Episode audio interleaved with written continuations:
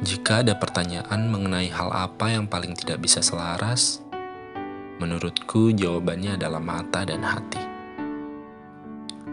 Seringkali mencoba membohongi diri sendiri, memaksakan sesuatu hal sesuai dengan apa yang dilihat saja, bukan dengan apa yang dirasakan. Selalu mendorong apa yang dilihat yang memang harus sesuai dengan jalan yang diharapkan, padahal belum tentu begitu.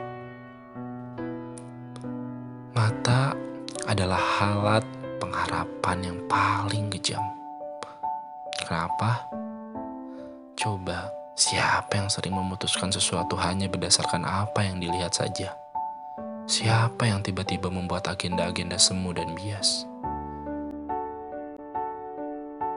Orang bilang dari mata turun ke hati.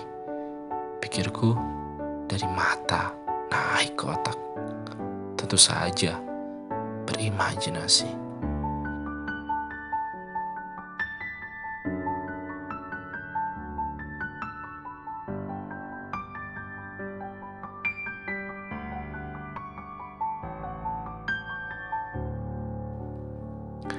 Pandangan terkadang membuat logika tidak bergerak, memaku pada satu harapan.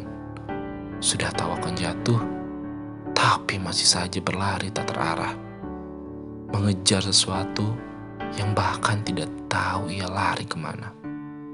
Bodoh? Tentu.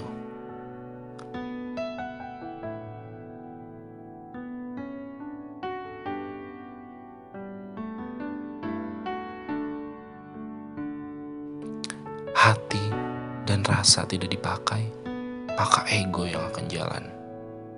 Kalau sudah gini, apa yang dicari? Harapan buntu pasti akan sama saja jalan ujungnya. Jadi batu kerikil yang akan membuat jatuh. Jalan yang ditempuh akan menjadi alternatif realita abadi. Membuat jalan sendiri untuk tersesat sendiri.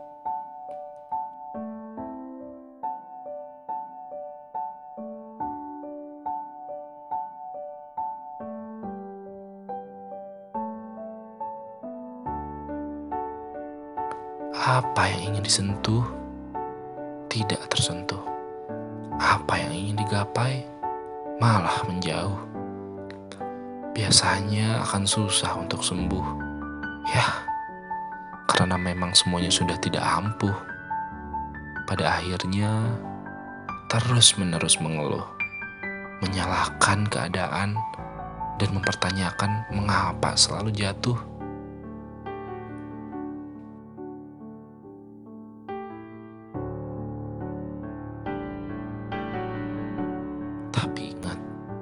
Setiap kehidupan diciptakan berpasangan. Begitu juga dengan jatuh dan bangkit. Memang tidak ada salahnya membuat harapan dalam bayang, tetapi harus libatkan hati dan perasaan.